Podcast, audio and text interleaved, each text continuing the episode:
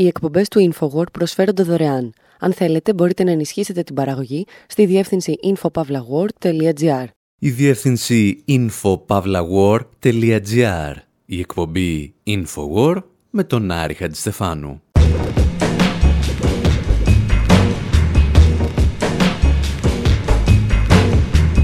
όπου σήμερα, συνεχίζοντας ουσιαστικά τα μαθήματα προπαγάνδας που ξεκινήσαμε στην προηγούμενη εκπομπή, αναρωτιόμαστε τι σημαίνει να δηλώνεις πεζοναύτης της ενημέρωσης.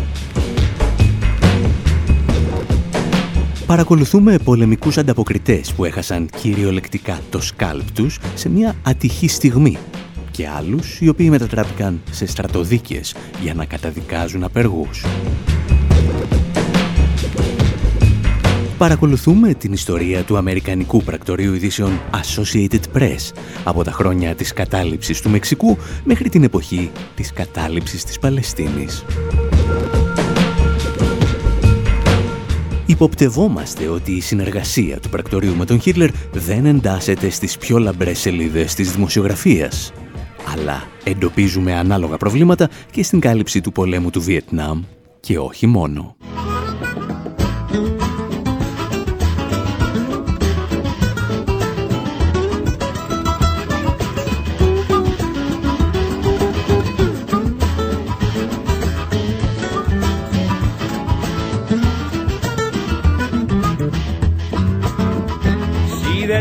50 character smiling on the 6 o'clock news.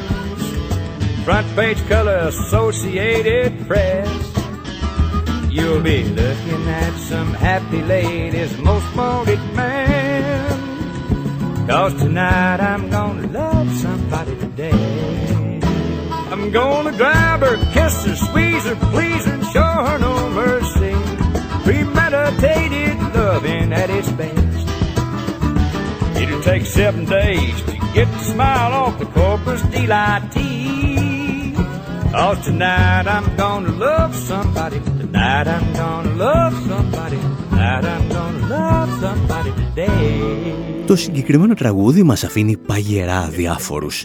Είχε όμως δύο στοιχεία που μας φάνηκαν ενδιαφέροντα. Αναφέρεται στο ειδησιογραφικό πρακτορείο Associated Press και έχει τον τίτλο Love Somebody to Death να αγαπάς κάποιον μέχρι θανάτου. Ένα τέτοιο είδος αγάπης παρατηρήσαμε τις τελευταίες εβδομάδες από το Associated Press απέναντι στο Ισραήλ. Ο Ισραηλινός στρατός βομβάρδισε τις εγκαταστάσεις του πρακτορείου στη Γάζα, αλλά αυτό συνέχισε να αναμεταδίδει ως επιτοπλίστων τις θέσεις του Τελαβίβ για το Μεσανατολικό. Λίγες ημέρες μάλιστα μετά το βομβαρδισμό των γραφείων του απέλησε μία δημοσιογράφο γιατί όταν ήταν λέει φοιτήτρια είχε κάνει ένα σχόλιο υπέρ των Παλαιστινίων στον προσωπικό της λογαριασμό σε κάποιο μέσο κοινωνικής δικτύωσης. Journalistic freedom, or otherwise, on social media is back in the spotlight after the Associated Press news agency fired one of its employees over her post about the Palestinian-Israeli conflict. Η απόλυση προκάλεσε έντονες αντιδράσεις στις Ηνωμένες Πολιτείες αλλά και στο εσωτερικό του Διεθνούς Ειδησιογραφικού Πρακτορείου. Δεκάδες εργαζόμενοι υπέγραψαν επιστολή με την οποία καταδίκαζαν την απόλυση. Το οποίο μας φαίνεται, εάν όχι παράλογο, τουλάχιστον ελαφρώς παράδοξο. Γιατί, όπως θα δείξουμε σε αυτή την εκπομπή, το Associated Press δεν έκανε τίποτα περισσότερο ή τίποτα λιγότερο από ό,τι κάνει εδώ και 175 χρόνια. Στηρίζει τους ισχυρούς απέναντι στους αδύναμους, ακόμη και αν αυτό απαιτεί προσωπικές θυσίες. Μια ιστορία που μας φέρνει πίσω στα χρόνια του Αμερικανο-Μεξικανικού πολέμου.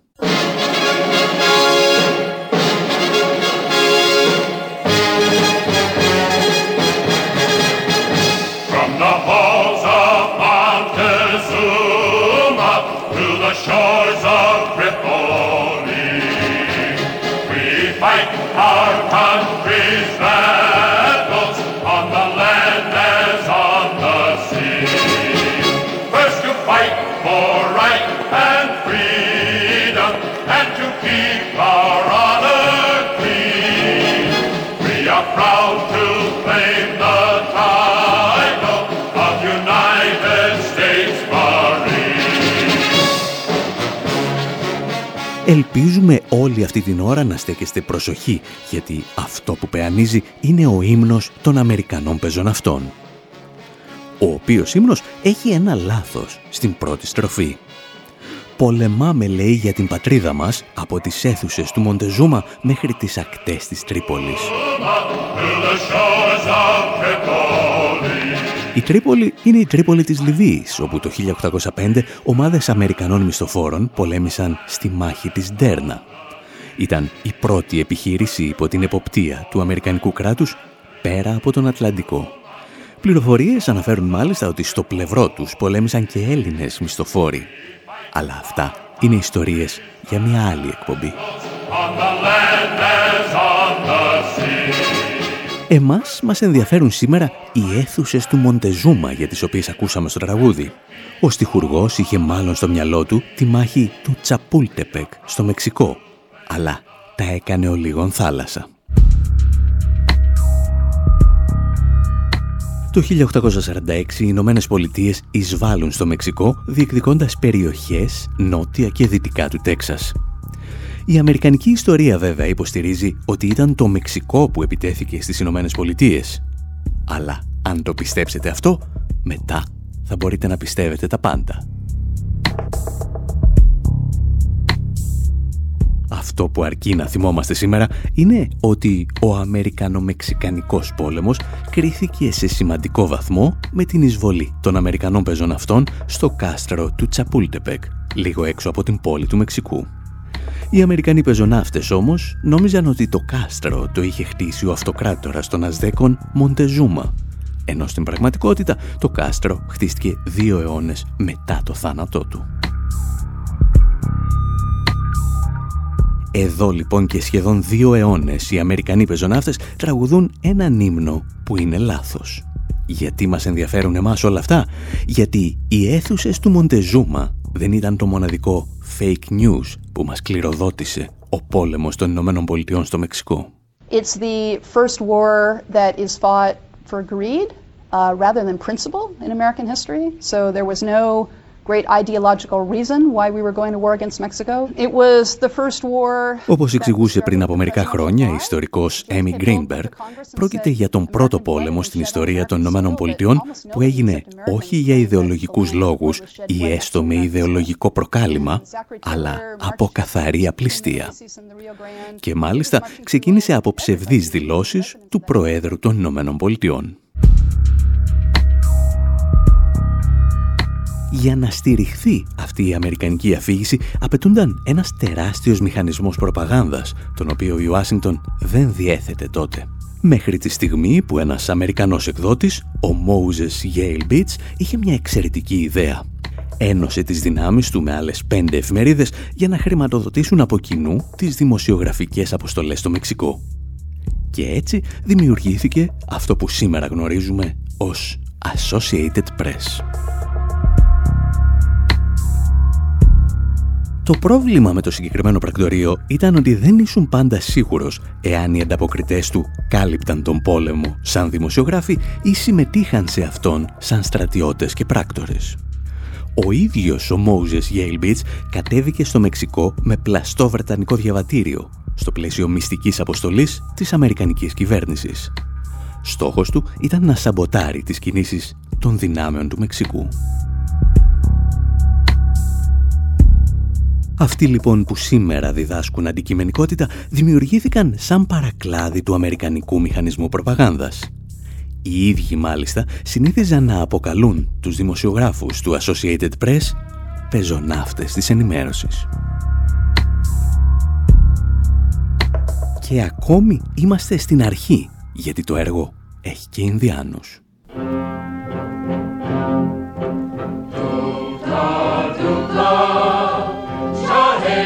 Tim Tam, Shalom.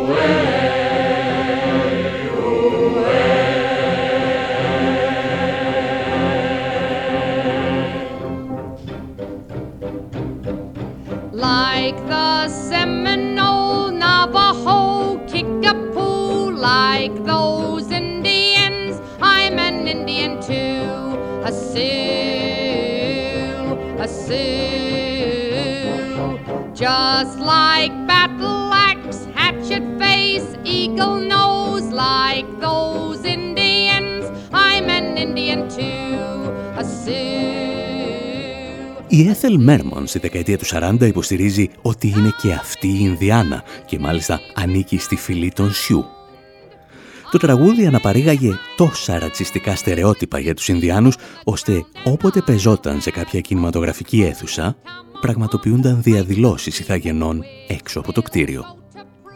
Και αυτά συνέβαιναν σχεδόν 7 δεκαετίες μετά την ολοκλήρωση της γενοκτονίας των Ινδιάνων από τον Αμερικανικό στρατό.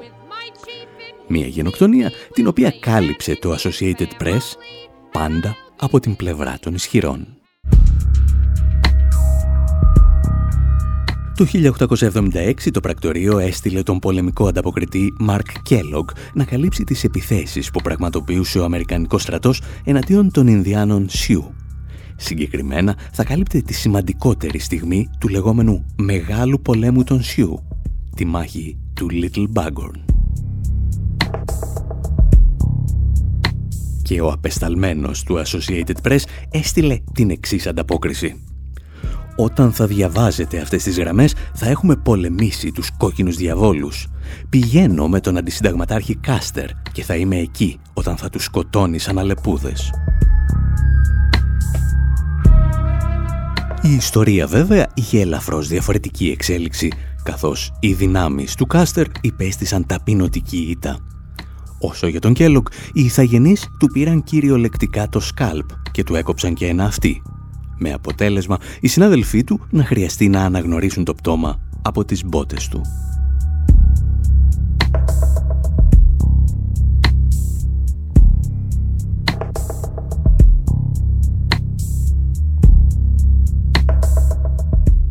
Ο Μαρκ θα μείνει στην ιστορία ως ο πρώτος πολεμικός ανταποκριτής που πέθανε στο πεδίο της μάχης Πιο σωστά βέβαια θα ήταν να αναφέρουμε ότι ήταν ο πρώτος ενσωματωμένος πολεμικός ανταποκριτής στις ένοπλες δυνάμεις των Ηνωμένων Πολιτειών που πέθανε μεταφέροντας τις θέσεις της Ουάσιγκτον.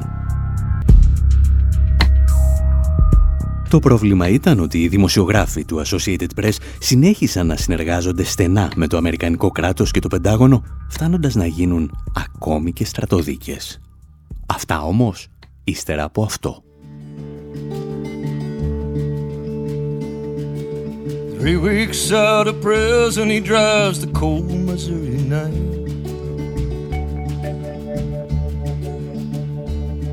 There's strip malls and abandoned mines out on the left and the right. He drives into Mount Olive in the Becker Funeral Home. His daddy's lying with a cold heart stare, black lung, broken bone. The most dangerous woman in America is buried on the edge of town. Hey, look out, ma, another miner's going down. Ο Τόμ Ράσελ επισκέπτεται τον τάφο της πιο επικίνδυνης γυναίκας στην Αμερική, της θρηλυκής Mother Jones.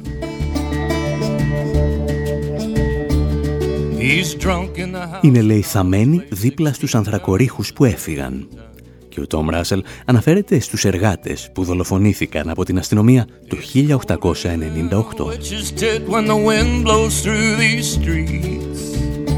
Η Mother Jones ήταν η θρηλυκή συνδικαλίστρια που δημιούργησε μαζί με άλλους την Ένωση Βιομηχανικών Εργατών του Κόσμου Κυρίως όμως έμεινε στην ιστορία για το ρόλο που έπαιξε στους λεγόμενους πολέμους του άνθρακα στη Δυτική Βιρτζίνια.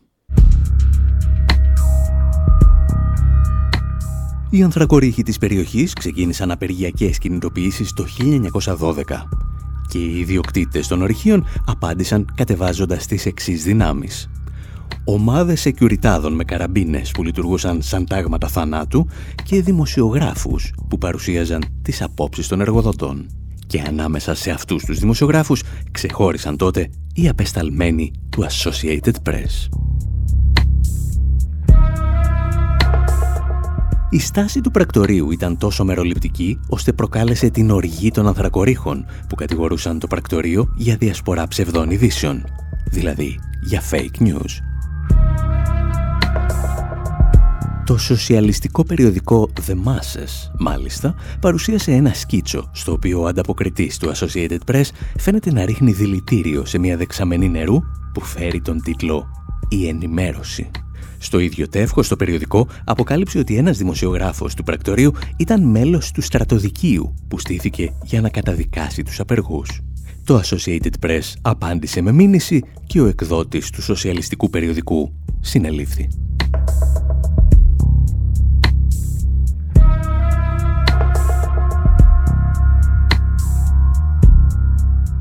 Ένα πρακτορείο λοιπόν που δημιουργήθηκε για να στηρίξει την Αμερικανική εισβολή στο Μεξικό συνέχισε το θεάρεστο έργο του και στον 20ο αιώνα. Και εμείς πλησιάζουμε στη στιγμή που θα βρεθεί στο πλευρό του Αδόλφου Χίτλερ. Ιστορίες για το δεύτερο μέρος της εκπομπής.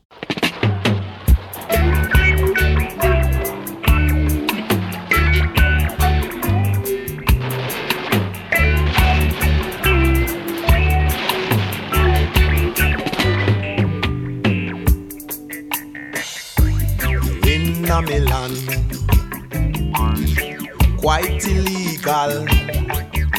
You're in a Milan.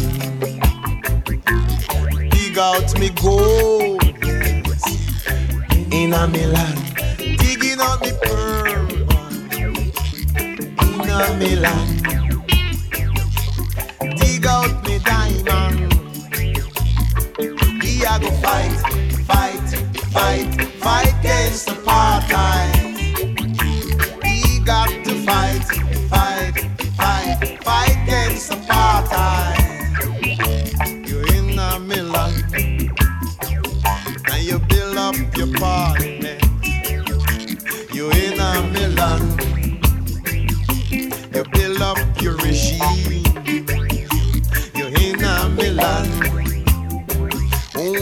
talk about justice.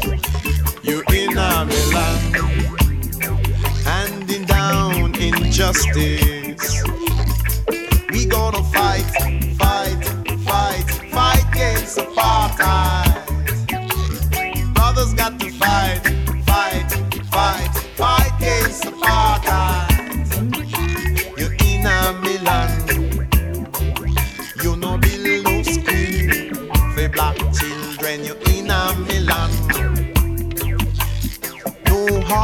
Hospital for black people. You're in a Milan,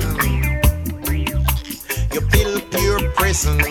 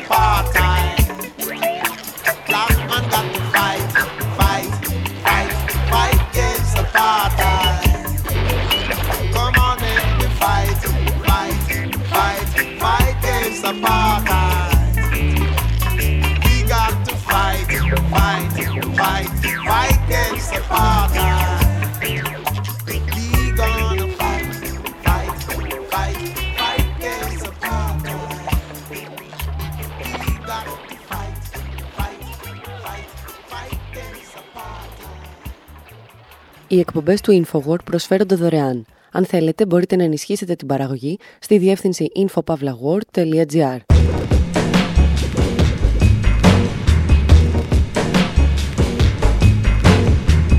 Εκπομπή Infowar, μέρος δεύτερο. Όπου παρακολουθούμε την ιστορία του Associated Press, ενός πρακτορείου το οποίο κάποτε έδινε στον εαυτό του τον χαρακτηρισμό «οι πεζοναύτες της ενημέρωσης». Είδαμε πώς δημιουργήθηκε για να στηρίξει την κατάληψη εδαφών του Μεξικού και πώς μετατράπηκε στη φωνή των εργοδοτών απέναντι σε κάθε εργατικό κίνημα στην Αμερική των αρχών του 20ου αιώνα. Και έχει έρθει η στιγμή να δούμε τα κατορθώματά του στη Γερμανία του Χίτλερ.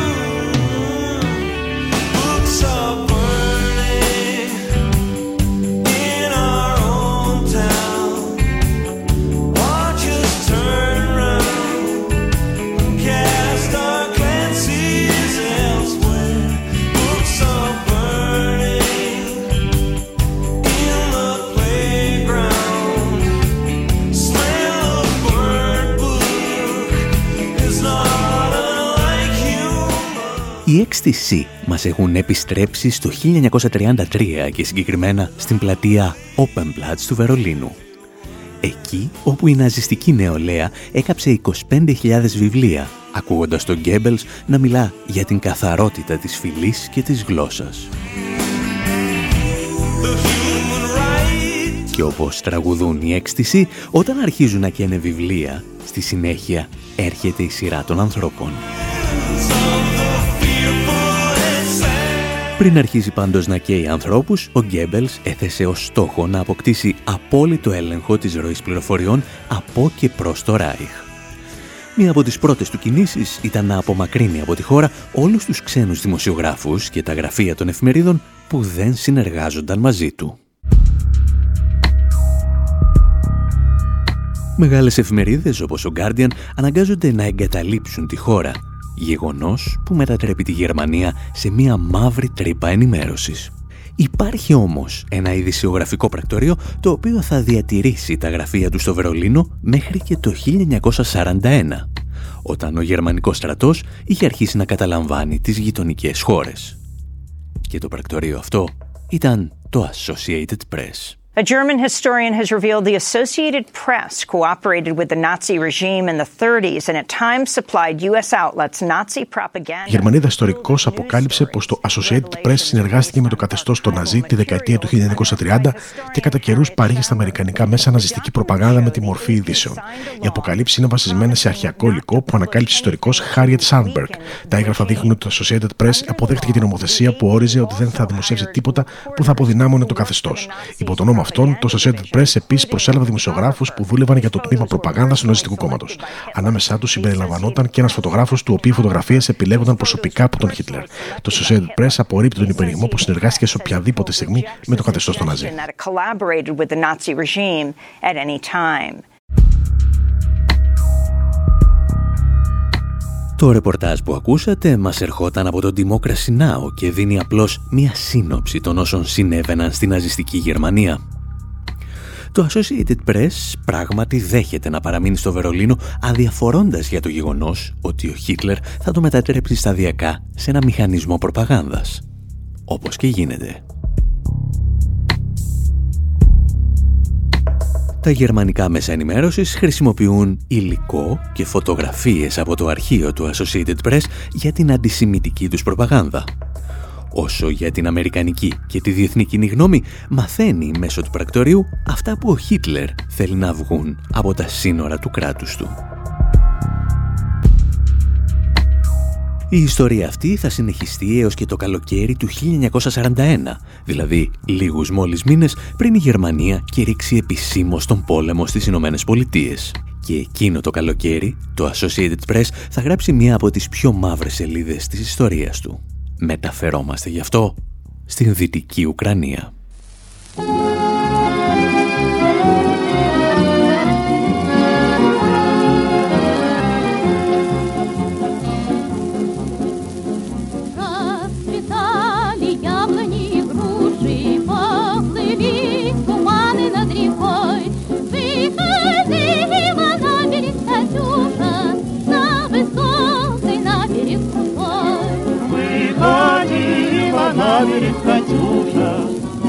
Высокой, на берег крутой. Выходила, песню заводила, под степного сизого орла. Про того, которого любила, про того, чьи письма берегла. Про того, которого любила, про того. Η Βαλεντίνα Μπατίστσεβα σε μία από τις πρώτες ηχογραφημένες εκτελέσεις του «Κατιούσα». Του τραγουδιού με το οποίο οι γυναίκες της Σοβιετικής Ένωσης αποχαιρετούσαν τους στρατιώτες που πήγαιναν στην Ουκρανία να αναχαιτήσουν την ναζιστική εισβολή. Την επιχείρηση Μπαρμπαρόσα. Καθώς ο γερμανικός στρατός εισέρχεται στην Ουκρανία, κατά τη διάρκεια της εισβολής στην πόλη Λβίβ, στη Δυτική Ουκρανία, τα ναζιστικά στρατεύματα εντοπίζουν τα πτώματα κρατουμένων που είχαν δολοφονηθεί από τις σοβιετικές μυστικές υπηρεσίες. Είναι το πρόσχημα που αναζητούσαν για να ξεκινήσουν ένα γιγαντιαίο πογκρόμ εναντίον των Εβραίων της περιοχής, το οποίο εντάσσεται στο μηχανισμό του ολοκαυτώματος. Οι σφαγές κράτησαν για εβδομάδες και συμμετείχαν σε αυτές και οι φασίστες συνεργάτες του Χίτλερ στην Ουκρανία. Μία λεπτομέρεια την οποία η επίσημη Ουκρανική ιστορία προτιμά να αποκρύπτει, ακόμη και σήμερα. Δυστυχώς για την ανθρωπότητα της εξελίξης στην περιοχή κάλυπτε τότε ο φωτογράφος του Associated Press Franz Roth. Όταν το υλικό του έφτασε στο Βερολίνο, ο Χίτλερ ζήτησε να δει προσωπικά τις φωτογραφίες. Επέλεξε αυτές που έδειχναν μόνο τους νεκρούς κρατούμενους και τις έστειλε στο Associated Press για να τις διανύμει σε όλο τον κόσμο. Οι αναγνώστες λοιπόν των εφημερίδων στη Δύση δεν έμαθαν τότε το παραμικρό για τη σφαγή των Εβραίων. Έβλεπαν μόνο τις φωτογραφίες από τα θύματα των Σοβιετικών δυνάμεων, οι οποίες δυνάμεις μάχονταν τους Ναζί. Και αν νομίζετε ότι αυτά τερματίστηκαν στο Δεύτερο Παγκόσμιο Πόλεμο, είναι γιατί δεν έχετε ακούσει τις ιστορίες που σας έχουμε για μετά. Επόμενος σταθμός, Βιετνάμ.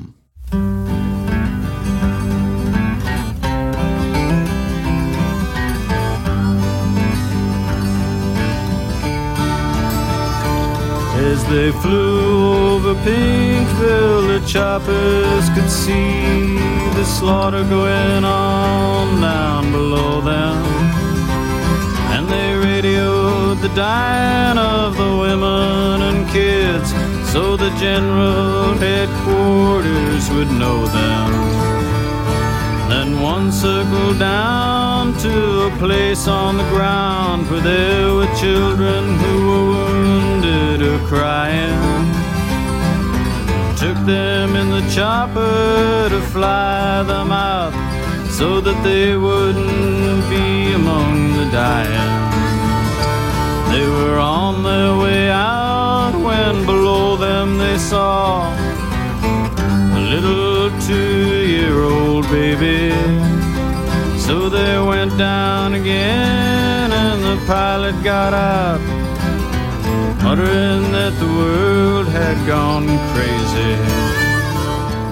Ο Θομ Πάρο τραγουδά το Pinkville Helicopter.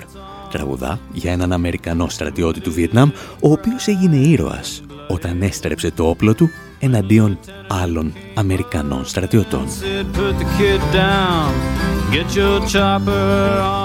Said, Put the kid down, get your chopper on. Ο Θομ Πάρς τραγουδά για τον Χιου Θόμσον, έναν στρατιώτη που βρέθηκε αντιμέτωπος με ένα από τα χειρότερα εγκλήματα στη σύγχρονη ιστορία του πολέμου. Ήταν 16 Μαρτίου του 1968 όταν η Αμερικανική ημεραρχία Americal έφτανε σε ένα μικρό χωριό στο νότιο Βιετνάμ. Το έλεγαν My Lai. Οι δυνάμεις έλαβαν σαφείς εντολές από τον αντισυνταγματάρχη John Parker. Κάψτε τα σπίτια, σκοτώστε τα ζώα, καταστρέψτε τη σοδιά και φράξτε τα πηγάδια. Μόνο που στο My Lai υπήρχαν απλώς γυναίκες, παιδιά και ηλικιωμένοι. Ένα χρόνο αργότερα ο δημοσιογράφος Seymour Hersh αποκάλυψε τι πραγματικά είχε συμβεί. Οι Αμερικανοί στρατιώτες εκτελούσαν με αυτόματα όπλα όλους τους κατοίκους, κάνοντας μάλιστα σκοποβολή στα μικρά παιδιά που έτρεχαν να σωθούν. Και όταν τελείωσαν τον πρώτο γύρο εκτελέσεων, κάθισαν να κολατσίσουν. Τα διηγήθηκε ο ίδιος ο Seymour Hersh πριν από μερικά χρόνια στο Democracy Now! Με τα πτώματα έφτιαξαν τρεις μικρούς λόφους. Και όταν σταμάτησαν να πυροβολούν, οι στρατιώτες άρχισαν να τρώνε το κολατσιό τους δίπλα στις ορούς με τα πτώματα.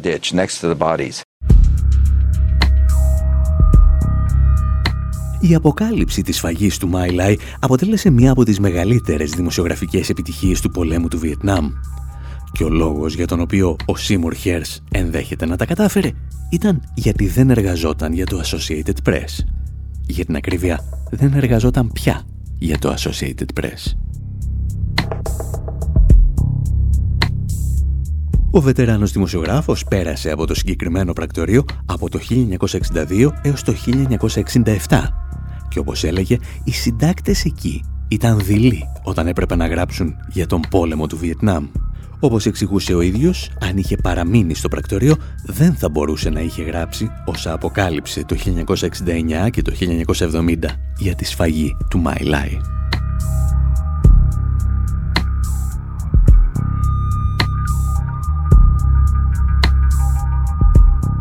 Γεγονότα που μας οδηγούν στην τελευταία ιστορία για το πρακτορείο Associated Press. Μια ιστορία για την οποία θα χρειαστούμε τη βοήθεια των Army of Lovers.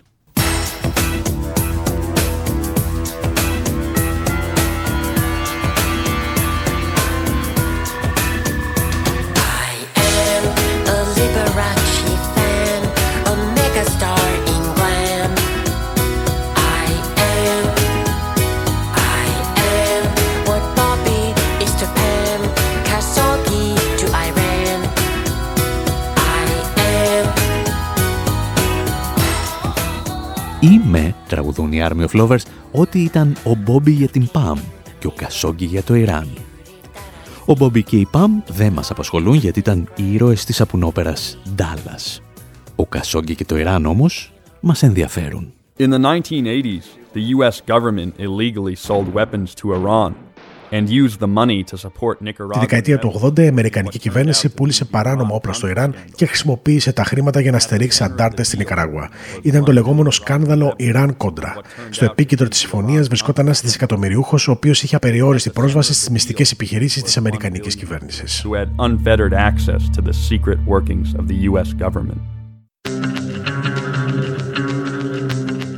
Η περιγραφή που ακούσατε από το ντοκιμαντέρ 1% έχει ένα μικρό προβληματάκι. Αποκαλεί αντάρτες τα παρακρατικά τάγματα εφόδου των Κόντρας, τα οποία στήριζε η Ουάσιγκτον εναντίον του επαναστατικού κινήματος των Σαντινίστας. Στα υπόλοιπα όμως θα συμφωνήσουμε.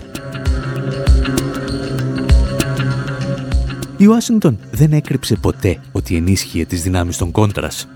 Έκρυψε όμως κάποτε ότι για να εξασφαλίσει τα χρήματα πουλούσε όπλα στο Ιράν. Οι πρώτες καταγγελίες το 1986 αναφέρουν ότι τα όπλα δόθηκαν με αντάλλαγμα την απελευθέρωση εχμαλώτων. Ο Αμερικανός τότε πρόεδρος Ρόναλντ Ρίγκαν όμως βγαίνει σε εθνικό δίκτυο το Νοέμβριο του 1986 και διαψεύδει τις κατηγορίες.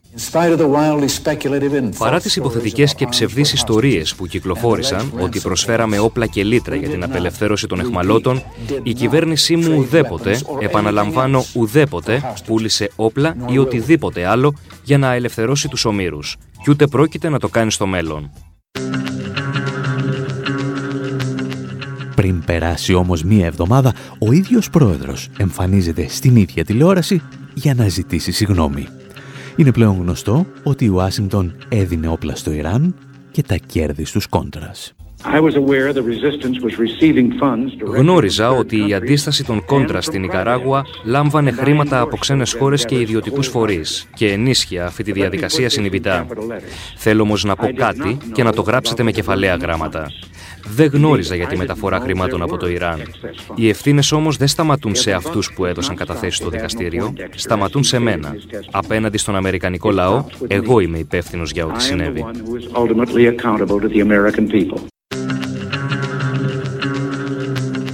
Ένας μετά τον άλλο, Αμερικανοί αξιωματούχοι αναγκάζονται να παραδεχθούν την ενοχή τους. Πρώτος, ο συνταγματάρχης Όλιβερ Νόρθ, στρατιωτικός τέλεχος στο πανίσχυρο Συμβούλιο Εθνικής Ασφάλειας. Ο άνθρωπος που είχε προτείνει τη χρηματοδότηση των ταγμάτων θανάτου στην Ικαράγουα. Εγώ το έκανα. Όπως είπα και στην προηγούμενη κατάθεσή μου, δεν αισθάνομαι ντροπή για τις πράξεις μου. Μου ανέθεσαν μία αποστολή και προσπάθησα να τη φέρω εις πέρας.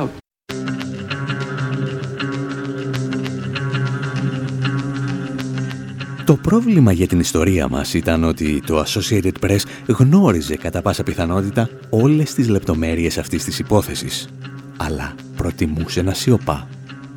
Δύο δημοσιογράφοι του ερευνούσαν για περίπου ένα χρόνο τις διασυνδέσεις των κόντρας με το εμπόριο ναρκωτικών στη Λατινική Αμερική. Ενώ όμως οι δημοσιογράφοι έπαιζαν τη ζωή τους κορώνα γράμματα, η διεύθυνση του πρακτορείου είχε συνεχείς επαφές με τον Όλιβερ Νόρθ. Και έτσι αποφάσισε να πνίξει το θέμα. Επειδή όμως στη ζωή τα πράγματα δεν πηγαίνουν πάντα όπως ακριβώς τα θέλεις, συνέβη ένα μοιραίο λάθος. Το κείμενο των δύο δημοσιογράφων είχε ανέβει στο εσωτερικό δίκτυο του πρακτορείου με την επισήμανση να μην μεταδοθεί. Η Ισπανική υπηρεσία όμως δεν το κατάλαβε. Το μετέφρασε και το δημοσιοποίησε σε όλο τον κόσμο. Αυτό τουλάχιστον υποστηρίζει ο δημοσιογράφος John Schwartz σε πρόσφατο άρθρο του στο Intercept, το οποίο αποτέλεσε και την έμπνευση για αυτήν εδώ την εκπομπή.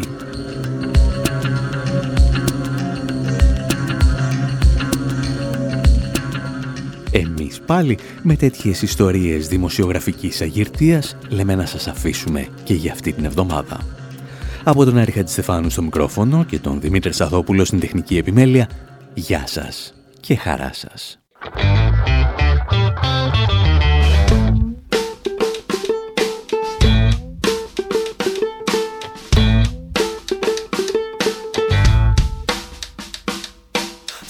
Between prayer and revolution.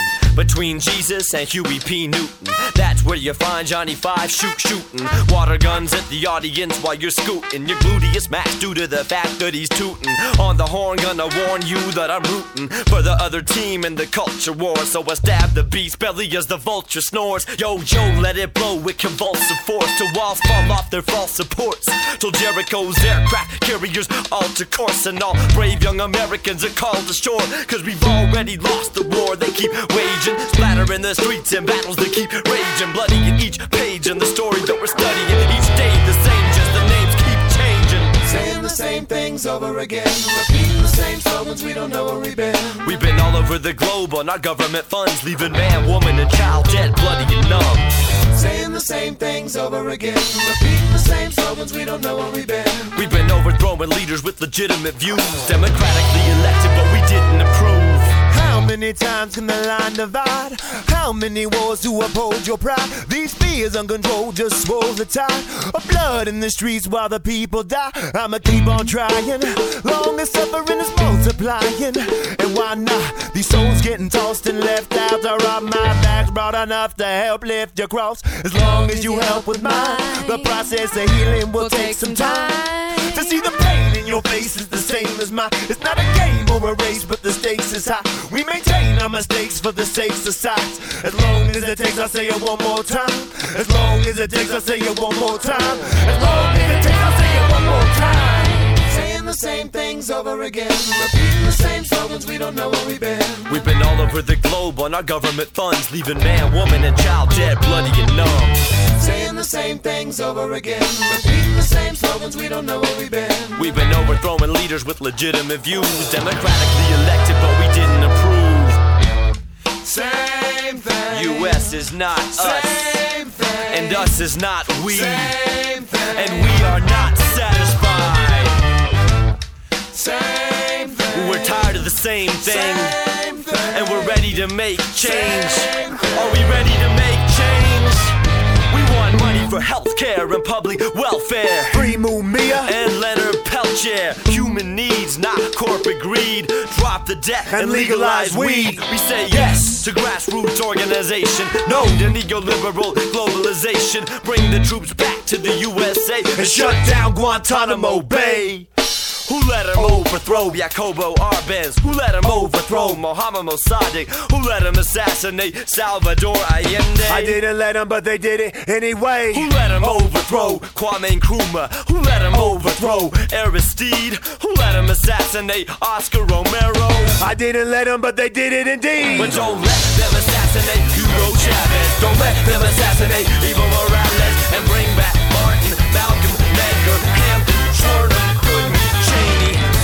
Same things over again.